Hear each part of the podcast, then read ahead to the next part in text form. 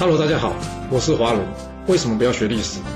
因为学历史会让你了解到顶层阶级的思考方式，成为他们的竞争者，所以他不希望你去学。还有学历史会让你看到许多前人成功及失败的案例，你的竞争对手想要好好的睡个觉，所以他也不希望你去学。最重要的是，学历史会让你了解人性，你的老板以及同事都希望你保持天真的心，所以他们更不希望你去学。就是因为这些原因，接下来我要跟你说的是故事，而不是历史。今天主题是说服理性的人要用利弊得失。我们上次说到呢，秦晋两国联军呢攻打着郑国，结果郑国派出一位能言善道的人去离间了秦国。这人是谁呢？他的名字叫做祖武。这祖武啊，可是个垂垂老矣的老人了。那他有什么办法？来说服这秦穆公呢？就像今天主题一样，说服理性的人要用什么？要用利弊得失啊！祖武知道啊，这秦郡两军啊，一东一西，彼此分开，并不联络的。所以当天晚上呢，他叫人用绳子的把他放下城去，他独自一人呢，要来见这秦穆公啊。但是哪这么容易啊？随便一个老头来到秦军阵前，秦军怎么可能随随便便放他进去呢？于是，祖武开始在这秦军阵外大哭了起来。秦穆公听到这哭声呢，问了下面的人：“谁呀，在这军营外面大哭啊？”士兵告诉他：“是个老人，说要见你，被我们挡在门外了，所以他就大哭起来了。”秦穆公说：“老人，哎呀，老人有什么威胁？让他进来吧，我问看他有什么事情。”祖武进来之后呢，见了秦穆公，他跟秦穆公说：“他自己是郑国的大夫。”秦穆公问：“你是郑国大夫？”那你跑到我秦军阵外来哭什么？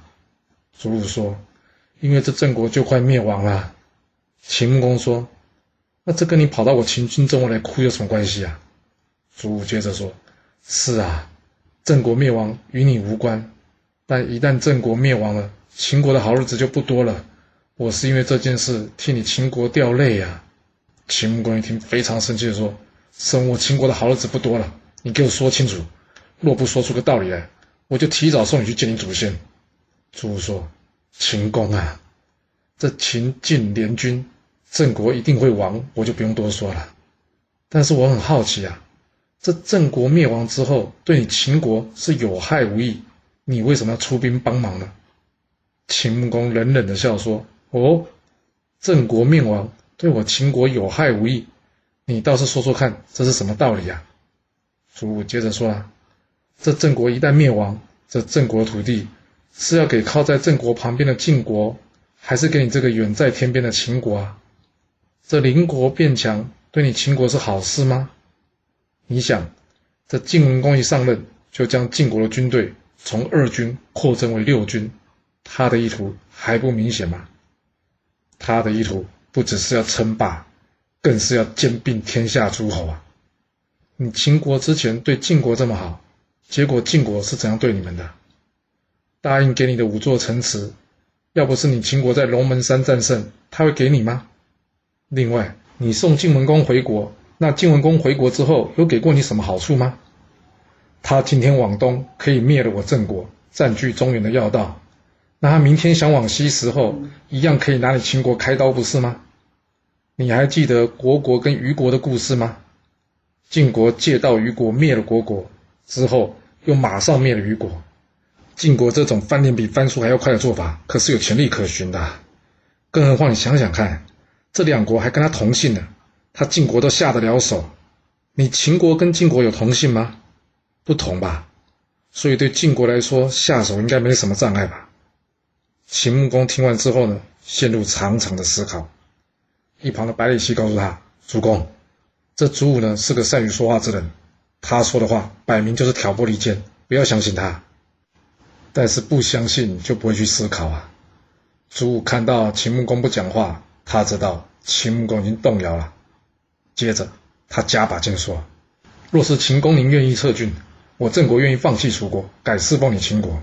你可以留下部分的守军在我郑国，将来若是东方有事，我郑国可以做你的前导，这样对你秦国才是有利。你说是吧？”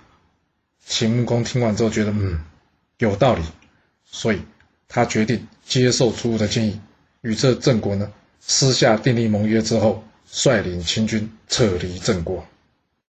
楚武能说服秦穆公的关键呢，在于秦穆公啊也担心晋国太过于强大，而这晋国的强大呢，将影响将来秦国对东面的发展，这当然不是秦穆公所乐见的。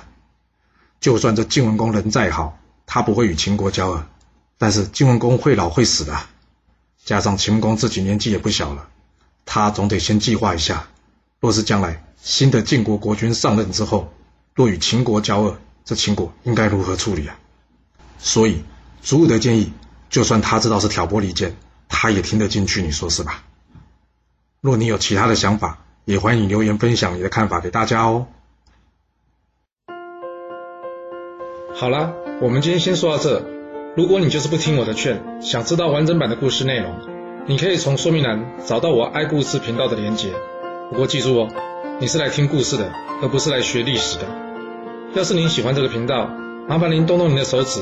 追踪留言，或是给我五星评价的支持以及分享，谢谢您来收听，我们下次再见。